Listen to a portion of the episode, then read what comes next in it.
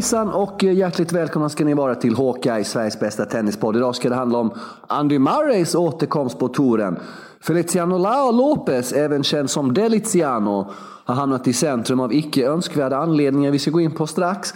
Och så pratar vi om våra bästa Wimbledon-minnen och mycket, mycket, mycket mer. David Torstensson, har du hunnit ta dig ett dopp i någon sjö utanför Uppsala idag ännu, eller vad händer? Sjöar? Vi badar absolut inte i sjöar, sladden. Det är massa läskiga djur och det är folk som sätter sådana här spett på botten så att man blir spetsad. Och det är så här allmänna bad, nej det är läskigt. Oavsett om det är sjöar eller pooler egentligen. Pooler, då är det sån här smitta istället. Det blir det var ju här i det eh, lokala badhuset i Uppsala. var det någon sån här dödssmitta för några månader sedan. Mm. Eh, och sjöar som sagt då är det så här vansinnesdåd av snorungar som sätter upp sådana här träspjut på botten. Men gör de? Varför gör de det? Det är inte friskt. Vem gör det? Nej, folk är ganska ofriska. Det var, jag vill ju tro att min lilla by här ute i skogen är ganska... Nej men det, det, det är inte mycket skjutningar och grejer här. Det, det är lugnt helt enkelt. Men nu, nu var det några som hade hade torkerat änder här borta på fritidsgården. Det är inte bra slädja, man gör ju inte sådär.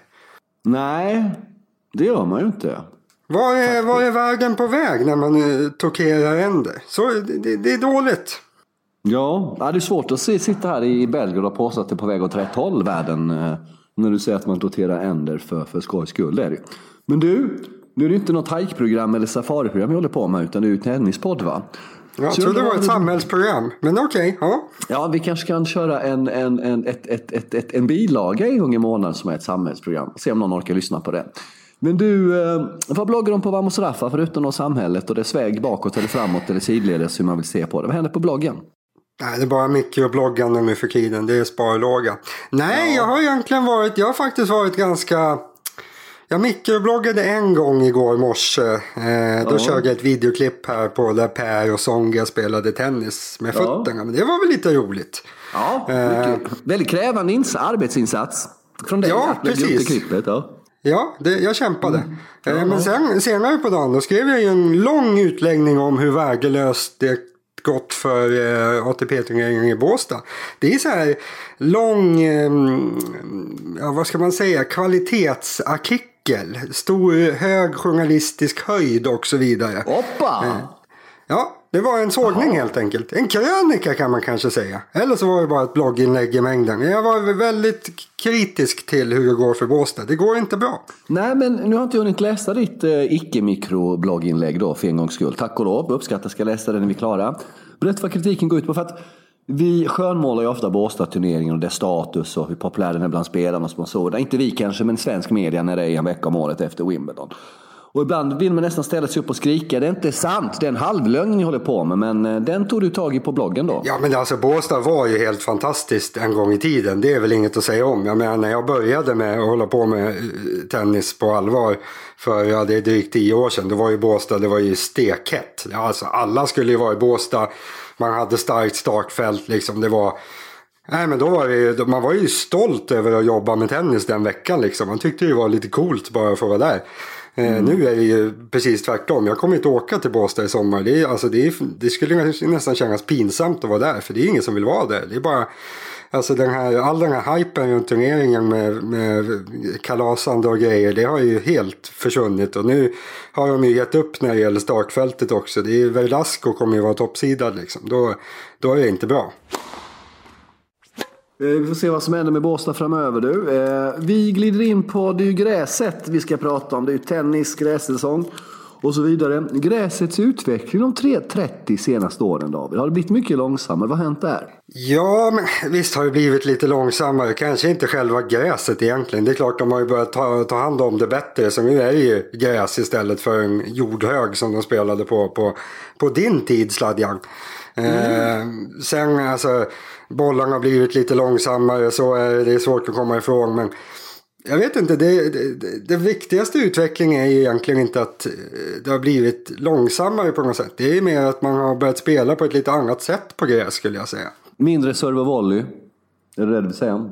Ja, men mindre serve och volley och det beror inte på att det har blivit så mycket långsammare. Det beror ju på att spelarna har blivit bättre. Sen går det ju fortfarande att spela serva serve volley fortfarande. Det är många som klarar sig hur bra som helst med det på gräs. Det kanske inte är det som gör att man vinner Wimbledon längre. För det, det, det kommer aldrig vara så effektivt igen. Men Ja, det, det, det, har kommit lite andra spelstilar som funkar eh, bättre på gräs helt enkelt. Att det, det handlar mer om att hålla bollen lågt och liksom utnyttja underlaget snarare än att utnyttja bara farten i underlaget. Det är väl den stora förändringen egentligen skulle jag säga.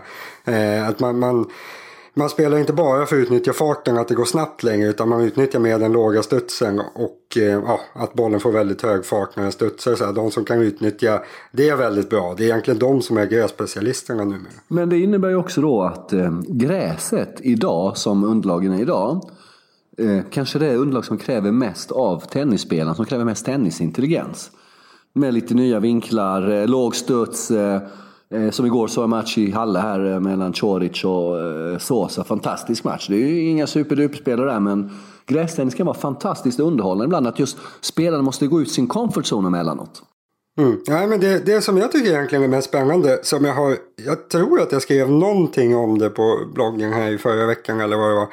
Eh, det är att alltså förr i tiden, om vi snackar 20 år sedan, eller liknande. Då var ju, alltså man, man, spelade på ett sätt på gräs och så var det det som gällde. Det var det som funkade. Nu skulle jag säga att gräs är egentligen det underlag där flest olika spelstilar kan funka. Det är som man säger, du såg Sosa, Sosa och Koric igår. Eh, det, det, det är ju två extrema grusförsvarsspelare, liksom, eller bollmotare eller vad man ska kalla det. De har ju inget serve och volleyspel direkt. Det är ju två arbetare liksom. Så kan man nästa dag se Raonic då smacka in en miljon serves och inte kunna spela i övrigt. Det funkar också på gräs. Och så kan man nästa dag se Manna som står och slår så löst så är det nästan patetiskt och ändå så blir det hur effektivt som helst på gräs. Eh, mm. Så alltså det är otroligt många spelstilar som fungerar. Det enda som väl inte fungerar än så länge i alla fall, det är väl att bara försvara sig. Det funkar ju inte på gräs för det är så svårt att, att försvara sig ute i hörnen. Men det mesta andra fungerar. Det handlar bara om att förstå sig på hur, hur man ska röra sig på gräset och hur bollen uppför sig. Det är, gräs har blivit ett underlag för många fler än vad det var förut. Mm. Veckans spelare, har du valt en eh, skattesmitare David? Hur, hur försvarar du det moraliskt? Men vad elakt Sladjan. Alla, det är, alla våra kompisar bor ju på Malta. Du kan inte säga sådär.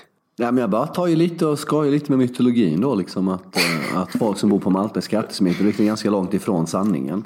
Och vi kan väl påminna alla om att eh, de här svenska spelbolagen som har Malta som bas var ju tvungna att ha Malta som bas eftersom de inte fick ha Sverige som bas på grund av ett spelmonopol en gång i tiden. Men det tycks ju folk ha glömt bort fullständigt också. Adrian Manarino, veckans spelare, fransosen som bor på Malta. Berätta mer. Ja, var ska man börja egentligen? Jag, ja. Det var ju mitt val, Manarino. Ja. Jag ville prata om Manarino. För ja. han, han, är en väldigt fascinerande kille. Uh, han, han, är så dålig på tennis. Får man säga så? Han är så ja, otroligt dålig på tennis. Han liksom, ser man honom spela en ordinär vecka när han, är i ganska dålig form. Och alltså, han, han, jag kommer ihåg att han var i Stockholm Open någon gång när han var i dåligt skick för några år sedan. Eh, alltså, det ser ut som att han inte kan spela. Han, han, han, han har ingen, ingen hastighet i, i sina slag överhuvudtaget. Han, står, han har så korta baksvingar att han står nästan och liksom duttar. Jag brukar alltid kalla det för duttar. Han, han slår inte till bollen riktigt. Han måste ha fart i bollen för att kunna få över den. Eh, och sen liksom, det ser så simpelt ut. Han, han, hans teknik är ungefär som om jag skulle sätta en, det har jag i och för sig redan gjort, men om jag skulle sätta en racket i handen på min son som inte gillar sport. Han, ja. som inte, han som jag inte lägger ut fotbollsklipp på Facebook om. Ah, eh, om jag satte en racket i, i hans handsladjan. Då skulle det nog se ut ungefär som det gör när Mangarino spelar. Han, han, han som är talangfull av mina söner, han skulle givetvis se bättre ut då. Men alltså han har otroligt enkelt, enkel teknik, Manarino. Han står liksom bara och föser tillbaka bollarna. Eh, när han är dålig då fokuserar man ju på, ja vad fan, varför kan han, hur kan han vara rankad 30 i världen och han kan inte spela. När han är bra, som han var förra veckan i Hertogenbosch, då, då sitter man bara fascinerad över hur effektivt det är. Och man sitter och funderar på varför lär man inte alla spela tennis på det där enkla sättet. För det, liksom, det är inte så särskilt svårt. Han har en jäkla bollkänsla. Men det är typ det. Han, sen, tekniken är ingenting. Han har ingen serve, han har inte jättebra retur. Men han, han, han har ett spel som ibland funkar och särskilt på gräs. Alltså, han har ju ingen överskruv i slagen överhuvudtaget och han är ju ett väldigt bra exempel på den spelstilen som har börjat funka på gräs senaste åren. Att det är de här små knattarna. Nu är han över en 80 man enorm. Han spelar som en knatte. Som de som är, liksom ligger nära marken eller vad man ska säga. De som inte är så långa och kan, kan slå bollen lågt ur en ändå bekväm position. Och i många Ringås fall, han, han har ju ingen överskruv överhuvudtaget heller. Så när hans bollar studsar då liksom skjuter de iväg snarare än att studsa upp. Så han, på gräs är han en mardröm att möta. Såvida man inte är väldigt, väldigt bra på gräs. Alltså, som typ Federer. Han skulle slå ett slag och sen ligger Mangarino nere i hörnet och typ har halkat. Men ja, fascinerande eh, gubbe Mangarino. Rankar typ 30 i världen nu igen fast jag oftast tycker att nej, men han är på väg ut från ATP-touren. Han håller inte här. Torskar mot Mikael Ymer på en grus för några veckor sedan. Eh, nu topp 30 i världen eh, igen. Så ja, det svänger. Mm, det svänger. Du, lite nyheter från US Open. Man planerar att tillåta on-court on coaching alltså. Eh, och det verkar som att Australian Open funderar på att ta efter. Wimbledon och Franska öppna vill inte göra detta. Eh, och då är då Tim Henman exempelvis, gamle britten, vansinnig på detta. Och eh, så många andra är emot on-court coaching. Att man menar på att, att vara ensam på banan, att själv fatta dina beslut. Hela den essensen av att spela tennis försvinner ganska mycket då. Är det någonting du kan hålla med om? Ja, snälla gång. Alltså, ska man få börja ta timeout också? Är det nästa steg eller? Att man får ja, tre, fyra timeouts per match och kallar mm. ner tränaren och så tar man reklampaus och så kommer in eh, såna här, eh, ja, studsande människor som skjuter upp t-shirts på läktarna. Är det vi vill ha? Roger är jättestarkt emot det. På presskonferensen i Halle sa han att det är ju Ja, han sa flera intressanta grejer Roger faktiskt efter eh, i Halle där att eh, han gick väl ut och supportade Djokovic indirekt också med det här med att få ner mer prispengar till Challenger och spelare som är rankade under 100 och så vidare. För att undvika riggade matcher och så vidare. och så vidare. Vilket vi kommer att prata om strax. Feliciano Lopez, men det är en annan historia. Men, eh, men en riktig sågning av det här med on coaching från Roger. Eh, vad håller de på med? Vad tänker de här? Varför? Varför jag har, faktiskt, jag har faktiskt ingen aning. Alltså, jag, jag trodde först när vi började prata om det här i eh, ett av våra episka telefonsamtal så trodde jag att det gällde liksom att man får sitta och ropa till sin spelare från läktaren. Eh, det tycker jag är 100% rätt att man bara ska släppa på det för det går inte att kolla och jag tycker inte att det stör. Det finns liksom inga, det finns inga problem med att man får titta upp mot en tränare som får säga någonting till en under matchens gång. Jag, jag ser inget problem med. Men alltså det här ska man, man ska alltså få komma ner på banan och sätta sig med sin spelare som tränare. Och, som de har haft på, på damtouren. Då. Eh, jag, jag, jag, jag, kan inte fatta och helt ärligt så tror jag ganska få spelare faktiskt skulle vilja det. det är alltså, spelarna de, de, de klarar av det här under matchernas gång. De behöver inte hjälp av någon tränare som kommer ner. Det kommer, Nej, det finns ingen anledning. De har ju testat lite med sånt här i, i det här juniorslutspelet där de testar allting i slutet av året. Och där har de haft någon sån här hörlurar som man har kunnat koppla upp sig med sin, sin tränare på läktaren. Det har ju blivit så, så pajigt så alltså det är helt sjukt åt. De har ju suttit och försökt skoja med varandra och så har, har ATP då att ja men det här är skitbra innehåll. De är så jävla roliga. Men så är det så patetiskt så det finns inte. Jag vet inte om det är det man vill åt. Att man vill liksom sitta och lyssna på tränare och spelare de tramsar med varandra. Nej, det där, det. Vi, behöver, vi är bättre än sånt där. Vi behöver inte vara en sån sport som griper efter sånt där. Det är, vi får hoppas att de kommer fram till något bättre. Mycket bra av Tin Henman att ta tag i det och såga detta. Men jag ser Roger Rafael Novak där, ett jävla headset. Prata med, ja, med Ljubicic eller han Severin Lutfi eller liksom... Eh, Eh, liksom eh, Moja eller vem fan som helst eller Vaida liksom. Det är... Nej. Nej. Vem skulle tjäna på det här av toppspelarna Sladjan? Jag vet vem jag tror. Ja, vem tror du? Jag är Tänker ganska säker på att... Tänker ja. du topp 10 just nu på här ja. sidan? Ja. Vem skulle tjäna mest av dessa? Zverev kanske då med hans inre ständiga kris. Och om Lendl är på plats då nu när pollensäsongen är över. För han är ju på plats i Europa. Nu. Ja just det, det är slut på pollen. Det är mm. faktiskt mindre pollen med björkpollen, låga halter. Eh, mm. Nu blev det ett eh, väderprogram också. Eh, nej, jag tror Nadal. Jaså, berätta mer. Nej men alltså han har ju, det har jag pratat om i hundra år, att han, han kom in med någon slags plan till en match som han har fått med sig av sina tränare. Eh, sen kan han egentligen aldrig förändra något under matchens gång. Han gör exakt samma sak och så hoppas, hoppas, hoppas, hoppas han på att det ska gå vägen till slut. Att det liksom, det ska, om man kommer i underläge då, då, då ska det hända någonting och så vänder Han gör aldrig någonting åt matchbilderna. Eh, om han fick prata med sina tränare under matchens gång då skulle de nog kunna styra om honom när han har börjat gå åt fel håll. Eh, för Nadal tror jag skulle vara eh, superbra faktiskt. Han skulle, han skulle kunna vinna matcher på det här. Eh, så det skulle nog kunna spela roll egentligen i, i stora matcher. Men, men skulle Raffa sätta sig där med ett par lurar? Oj ja, oj ja. Jag tror inte han har problem med att lyssna på sina tränare direkt. Så det, det skulle han nog vara rätt sugen på. Däremot så har jag svårt att se Roger sitta och småchatta lite där. Det, det skulle nog vara lite under hans värdighet va? Ja, jag har faktiskt även svårt att se det förfärliga göra det på något sätt. Alltså. Jag tror det. Han är som mest uppstressad och liksom det, han bara är arg. Skulle han inte vilja prata lite med, med Vaida och få lite mentalt stöd? Jag tror nästan det ändå. Men det, det... det mest underhållande, vet du vad det skulle vara? Nej. Det skulle vara att höra Murray sitta och skrika på sin mamma i ett eh, sidbyte. Ja, då får vi nästan glida in på Andy Murray nu då. Det blev en naturlig radioövergång som man säger där. Eh, comeback i Queens i dubbel. Eller hur? Ja, stämmer. Ja. Jag trodde att du skulle, skulle fortsätta. Nej, jag tänkte att du skulle fylla i det eftersom jag höll på att få en hostattack. Sladjan är lite sjuk idag. Det vill jag att alla ska veta. Han är en superhjälte som ändå kör. Han låter inte... Han, jag vet inte om han har rökt för lite eller vad det är. Han, han låter lite sjuk på rösten. Eh, men ja, Murray spelar dubbel med Feliciano Deliciano Lopez i London. De ska spela idag faktiskt. Det är torsdag när vi spelar in det här torsdag morgon mm. och de ska spela ikväll. 17.30. Eh, Så man hinner kanske lyssna på det här innan eh, de ska spela. Och det blir ja. jätteroligt att se Mario i första matchen sen eh, höft, höftkulebytet. Nej, någon slags höftoperation i alla fall. Han, och vad hette det? Det är intressant då eftersom han ska spela dubbel i Wimbledon också. Du la ut igår på Twitter vem man skulle ha som dubbelpartner i Wimbledon helst. Och vad blev slutresultatet? Ja. ja folk trodde på brorsan.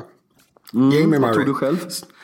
Eh, jag skulle väl kanske gissa på att det blir eh, Deliciano i Wimbledon också. Han skulle spela nästa vecka såg jag med Marcelo Melo.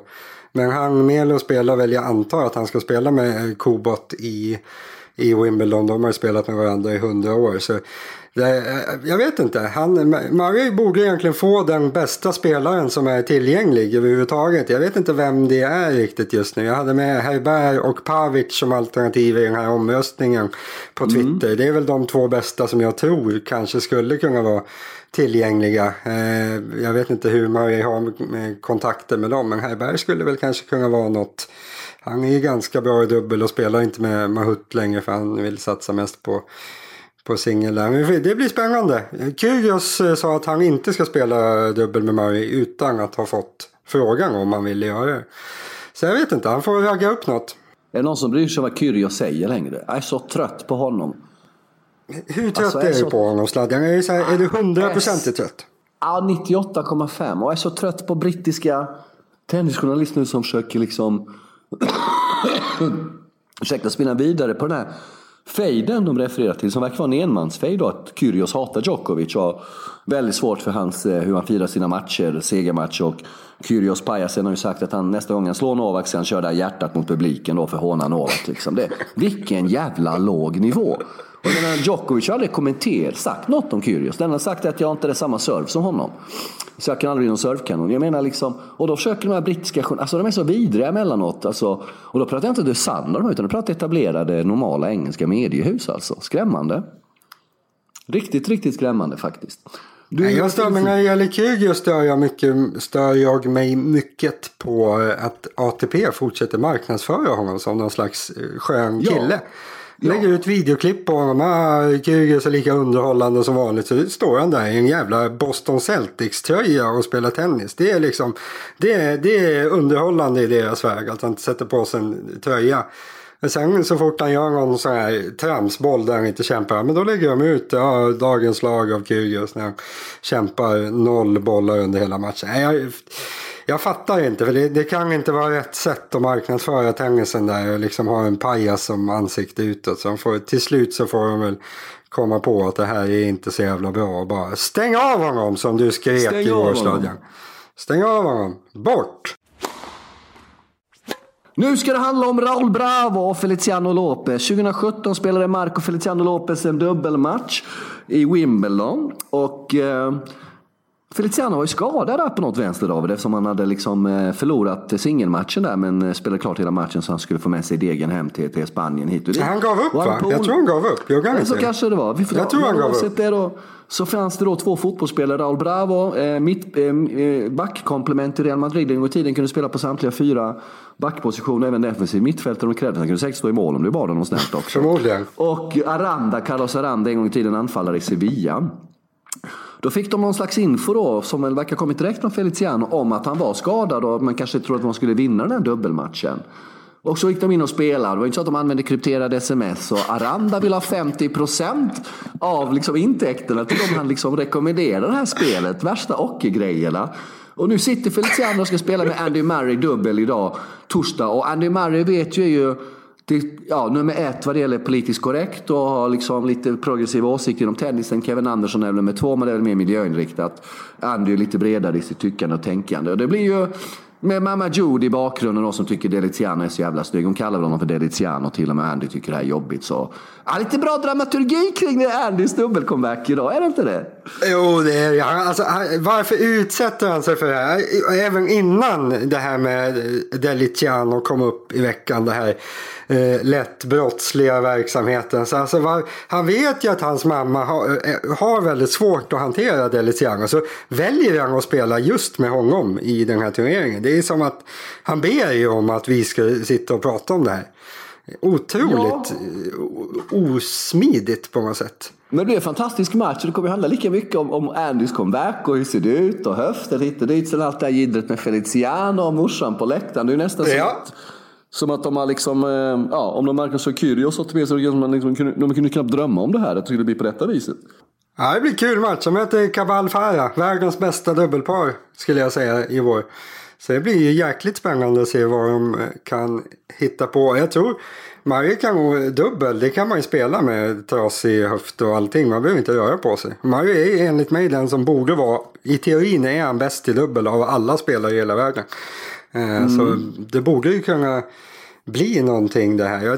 Den här, den här historien med Raúl Bravo och Carlos Aranda, Lopez, Lopez Eh, Nadal, ska han vara med på ett hörn där eftersom han är bästis med Mark Lopez och kompis med Feliciano kanske? Jag, jag skrev ju om det där på varmastraffar.se så man, man kan gå in där och få hela historien. Den är ganska bra faktiskt. Det, det är mm. otroligt amatörmässigt. Det är som att, mm. det är som att Lopez har han, har, han har nästan twittrat ut det här och taggat Bravo och Carlos Aranda i tweeten. Det är typ den nivån av osmidighet vad det verkar. Att det, liksom, det verkar inte ha varit så svårt för de poliser som utreder det att, att se att han har, han har läckt lite grann och att de här fotbollskompisarna inte gjort bästa sak av det riktigt. Sen, vem tror du Carlos Aranda erbjöd den här dealen? Tror du att eh, den, den, riktiga Ronaldo fick han ett samtal till exempel?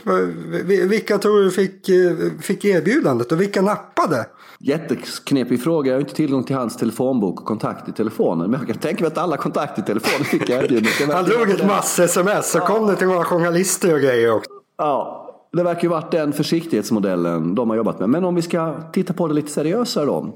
Feliciano menar han kommer spela nästa år. Han rattar Madrid-turneringen. Det är liksom ändå något B1000 Masters, liksom börjar förbereda livet efteråt hit och dit. Och hur kan det här påverka honom? Jag menar, Mark Lopez har redan gått ut och sagt hur kan man kasta ut våra namn i smutsen så här då? För det, enligt dem har det liksom ja, Lopez Feliciano har sagt att han var skadad. Men eh, sen är det väldigt knepigt att veta allt det där. Men eh, vem är den största skurken här då? Är det Bravo, Aranda eller Lopez Lopez? Ja, alltså egentligen om, om vi pratar om vi håller oss till tennis, vilket vi väl ska göra här, så är det ju Lopez har ju brytit mot, ganska tydligt brytit mot de regler som spelarna har. Att det, där är ju, det finns ingen som har missat det där. Att det där skriver de på en gång om året. Att de får inte prata med någon om eventuella skador. För då blir det genast det här eh, bettingproblemet. Att de får, han får verkligen inte prata om det med någon egentligen. Så det som förmodligen har hänt det är ju att han har pratat i telefon med någon av de här fotbollsspelarna. Och där har han sagt att nej fan jag skadar mig i singeln, jag kommer inte kunna kämpa i dubbel. Och redan där har ju han egentligen gjort någonting som ska göra att ATP stänger av honom, eller ITF som det väl ska vara i det här fallet. Att vi snackar liksom ett halvårs års avstängning egentligen om man ska gå efter reglerna. Vi får väl se vad de gör. Det verkar inte vara så svårt att bevisa det här. Så Sen jag vet inte, Lopez har varit spelat på touren i hundra år och som du säger han, han är någon slags eh, turneringschef i Madrid som är en jättestor turnering. Eh, det blir väl inte så jäkla smidigt att stänga av honom kanske så de borde väl göra som de alltid gör och, och ja, sila elefanterna och svälja myggen eller vad man ska säga. De brukar stänga av spelare som är typ 500 värden medan de som är mm. bra alltid klarar sig. Jag skulle väl gissa att det blir så nu också. Det vore väl egentligen det smidigaste. för det är ju inget stort brott det här tycker jag. Jag tycker kanske att den där, det där reglementet är fel. Att man borde få säga till sina kompisar eh, att man har lite ont i foten.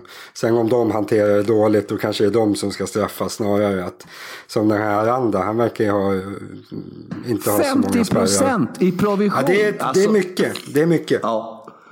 Alltså det är sjukt. Bara alltså. för att leverera ett litet tips. Ja. Nej, det, det är hårt. Det tar inte jag för att berätta folk uh, saker som de vinner massa pengar på. Jag tar inte 50 procent. Yes. jag tycker han, han tog för mycket, Aranda. Ja, det gjorde han verkligen. Aranda tog på för mycket. Vi får se vad konsekvenserna blir av det hela. Men uh, svälja uh, mygg och sila elefanter, sa du så? Eller sa du tvärtom? Nej, inte så. Man, man sväljer ja, det lilla nej, och så silar man det stora. Jag tror det. Väldigt bra uttryckt. Du, eh, lyssnarfrågor. Jonas har undrat om våra bästa Wimbledon-minnen och vilka det är. Eh, och så vidare och så vidare och så vidare. och då undrar jag då, vad har du för bästa Wimbledon-minnen exempelvis? Ja, det finns ju många, svårt att välja ett. Man kanske kan Wimbledon är en härlig turnering, man minns väl allt. Nu, nu kommer jag att tänka på när Müller slog han Nadal. Han slog ut Nadal. Nadals alla förluster är egentligen ett dåligt ja. minne. Nadal har alltså torskat mot Müller, Stakowski. Dustin Brown också va? Eller var det jämnt mot Dustin Brown något år? Nej, han torskade mot Brown. Han torskade mot Rosol ja, också. Jag tror, nu, nu har jag förmodligen ett fel här. Men jag tror att alla torskat mot Rosol, Stakowski, Müller och vem glömde jag nu? Brown. Stakowski slog väl Federer va? Ja, var det så? Jag är helt säker. Ja, ja, ja, Ganska tidigt för 5-6 år. Nu blev det otroligt dålig kvalitet här. Ska vi ta ett minne istället? Ja, mitt, minne istället. Mitt, mitt bästa minne i Wimbledon. Eh, det är ju när Andy Murray vann första gången. Det är ganska, ganska öppet mål att ta den kanske. Jag har ju haft mm. totalt sett genom min tennis icke-karriär eller min karriär som tennis arbetare så har väl Murray varit min största favorit egentligen. Eh, och jag ägnade ju väldigt mycket tid åt att försöka förklara för folk att han var väldigt bra redan innan han var det kanske. Ehm, och det här att han, hans spel passar så extremt bra på gräs. Han, han kommer vinna Wimbledon någon gång. Och det sa jag under en tid då, då folk liksom såg det som totalt osannolikt att han eh, ens skulle kunna nosa på att vara bland de bästa på gräs. Eh, så när han då vann till slut då kände jag liksom fan nu, ah, nu, nu vann jag. Så det tyckte jag var lite coolt och eftersom jag gillar honom också så det var ju första britten på hundra år som vann och det var, äh, det var coolt. Det var, det var mäktigt faktiskt. Så det, det är mitt första minne. Nu, nu, nu bollar jag till dig Sladjan. Nu får du ta ditt eh, första. Ja, jag har tre då. Det första blir ju då Stefan Edberg 88. Eh, smålänning som vinner Wimbledon. Det var ju inte allt för vanligt. Eh, han vann en gång till sen 90 och det var den första svenska Wimbledon-vinsten sen Boris 80 tror jag. Va? Så det hade ju gått ganska lång tid emellan då vad vi hade vant oss vid vid den tiden då. Men med dagens perspektiv så har det varit ja, en helt annan historia. Så jag tar Stefan Edberg från Västervik där som, som första minnen. Han vann sin första Wimbledon 88. Borde han inte ha vunnit fler Edberg? Egentligen. Jag blev lite ja, överraskad men... gången du sa att han vunnit två bara. Ja, eh, han vann ju 88 och 90, så hade han två US Open, två Australien. Och samtidigt så var det ju Becker på den tiden en ganska tuff motståndare. Han har väl tre Wimbledon i alla fall. Och det var ju mer utspritt på den tiden om vi kanske minns tillbaks Becker och Edberg som väldigt dominanta på gräset. Och det var ju en annan tid då som du säger, som vi varit inne på, det är 30 år sedan. Det var väldigt, väldigt mycket serve och volley och så vidare och så vidare. Jag menar, Edberg förlorade till exempel en semifinal mot Stitch något år, kommer jag ihåg. Eh, där han eh, inte tappar serven en enda gång. Han vann första set med 6-4, sen torskade han tre set i tiebreak, 7-6, 7-6, 7-6 utan att tappa sin enda serve en enda gång och ändå inte gått till final. Va? Eh, så jag väljer Edberg. Som andra minne tar jag faktiskt Ag Agassi 92. När han slår Ivanisevic i finalen. Eh, det blev väldigt, var väldigt hajpat där om Agassi skulle också följa det året. Det här med vita kläder hit och dit och bla bla. Mm. Eh, om du kommer ihåg det liksom. Och... Ja det minns jag. Det minns jag väldigt. Han, han gjorde en uppvisning när han tog av sig Exakt. första matchen där. Och i... nu alltså, hade han inte en, inte ett jävla färgklick på tröjan. Det var kritvitt. Han hade en kritvit träningsroll på sig så undrade alla vad han skulle ha under och så som du säger så var det kritvitt. Sen så Ja, Ivan Ishvic har ändrat ganska mycket i år, men han, eh, under de här Wimbledon-veckorna var det de här, pågick ju de här konflikten mellan Jugoslavien och Kroatien också. Och eh, han gjorde det väldigt mycket politiska, ganska uppseendeväckande uttalanden som jag tycker inte en idrottsman ska hålla på med i de sammanhangen. Så jag tycker det var lite skönt att Agassi täppte till truten på honom faktiskt, om man ska vara helt ärlig, i den finalmatchen. Vem har du som ditt andra minne? Ett intressant förresten med Agassi att han vann så tidigt. För han var ju inte serve och volleyspelare. Han var ju liksom kanske, ska man prata tennisutveckling eh, så, så alltså, han var väl den första som spelade på ett annat sätt och vann Wimbledon kanske. Ja. Eh, det är lite spännande. Det får vi mm. ta i ett annat program. Mm. Uh, jag, jag går ju emot din, din politiska sågning av Ivan Isevic här. Det här är ett litet efterhandsminne jag har. Jag har sett det här väldigt mm. mycket i efterhand. Och det verkar ha varit väldigt, väldigt coolt när han, när han till slut fick vinna på ett wildcard. Och alltså slut klämmen på den där matchen när han vann, den är ju otroligt cool. Alltså när han i princip står och grinar när han, när han slår in de sista bollarna. Det är liksom inte, man ser inte riktigt det hända idag. Federer står och smågråter lite och, och, och servar hem Wimbledon liksom. Så jag vet inte, jag, jag, jag, tycker att det där, det verkar ha varit coolt. Jag vet inte om jag såg det där live. Jag borde ju kunnat göra det åldersmässigt. Men jag har inget, inget bra minne från när det hände. Men Ja, det känns som ett väldigt mysigt Wimbledon-minne när Ivan Isevic vann. Jag, jag gillar Ivan Isevic. Jag, som person har jag ingen uppfattning direkt. Men eh, fascinerande spelare som har den absolut bästa servetekniken som någon någonsin har haft. Det finns ingen som har varit ens i närheten. Eh, det tycker jag är lite spännande och bra bollkänsla kan man säga också. Han hade man velat se idag egentligen, i alla fall jag. Mm, eh, så jag tar den. Och nu får du ta ditt sista Sladjan Osmanagic. Det ska jag göra. Jag vill bara säga det att Ivan Ishvic var ju väldigt ung när han, eh, vi snackar ju 92, han är väl 71 som jag tror jag va. Så att det var ju ganska infekterat. Han har ju lagt ner det där. Men jag säger bara just den veckan kände jag att eh, fan vad gött det var att Agassi vann. Eh, mitt sista minne då. Vem vann Wimbledon 2011? Du med ditt dåliga minne, kan du komma ihåg det? Han vann sin första Wimbledon. Och vet du vad Ishvic och Djokovic har gemensamt? De har ju båda varit tränare i sin barndom av Jelena Gencic. Just det. Mm. Jag menar, I väst vill man ju ofta berätta om att Andy Murray, Judy Murray tränar honom, att han hade kvinnlig tränare. Men det är ingen som orkar nämna de här från ex-Jugoslavs kvinnliga tränare. Det är tydligen helt ointressant i sammanhanget. Du, eh, Alessandro. Ska du inte säga någonting om själva vinsten? Du måste ju minnas någonting av hur vann han? Vem ja, vann han mot? Han slog ju Rafa Nadal i finalen och eh, blev ju världsetta efter det också. Eh, för första gången, det var ju där 2011 när han dominerade helt. Du vet, eh, mm, när han mm. vann de här, ja, tills Roger slutade i Franska öppna där då i semin. Sen kom han tillbaka och vann Wimbledon första gången. Det var väl hans tredje Grand Slam också. Han har vunnit Australien då tidigare 2011 och Australien 2008. Jag för mig det blev 3-1 i set, kändes som Rafa inte riktigt hade en chans. Och det var också då Djokovic firade med att äta lite av Wimbledons gräs. Just det. En del rök i gräset. Var det, var det bra? Varför gjorde han det? Nej, han hade alltid varit nyfiken på hur det smakar, sa han. Det vet jag inte. Men det går säkert att använda det mot honom som mycket annat här i livet skulle jag tippa. Människor ska inte äta gräs. Våra magar klarar inte det sladden. Dålig idé. Mycket dålig idé. Och sen då så Alessandro ville att vi skulle snacka Fognini. Det kommer vi göra Alessandro, men vi gör det när gruset är tillbaka igen när vi kör lite gstad och bastard som de säger. Och Alessandro, nu gick du in på titta, lyssna frågor helt plötsligt igen här. Ja, men det, ja, det, det blir inget Fognini idag. Det blir inte. Vi tar det efter grässäsongen helt enkelt. Vi tar den, uh, the European Clay Swing is on again. Han kommer inte vinna. Wimbledon för Nini, det kan vi slå fast. Han är, han är just nu ganska ointressant. Han brukar inte kämpa på gräs överhuvudtaget. Vem vinner Halle? Roger såklart. Och oddset är? Eh, 1,76 just nu på Betthard. Mm. Det kan man ju absolut spela. Serien är lite småskadad. Han drog sig ur dubben igår. Tydligen gått runt med bandagerat eh, lår där. Så jag vet inte, det är inte så jäkla bra klass där egentligen. Så Federer kommer ju vinna det där, 1,76. Mm. Men den mest eleganta spelaren jag har sett i Wimbledon genom åren är nog fan Steffi Graf måste jag säga. Eh, på 80-talet när hon var som bäst. Ja. Skulle inte du berätta vem som vinner Queens istället så börjar du snacka om Steffi Graf. Otroligt stökigt. Mm, nej men det är ju ändå London, Wimbledon, Queens. Queens tror jag då att Tsitsipas vinner till åtta gånger pengarna. Match avbruten igår mot eh, Torens mest osympatiska spelare. Kyle Edmund. Men eh, det stod, han hade 1-0 i set och 3-3 i andra. Den slutförs väl under dagen, torsdagen helt enkelt. Ni har lyssnat på Hawkeye, Sveriges bästa tennispodd. Hawkeye görs i samarbete med Betthard.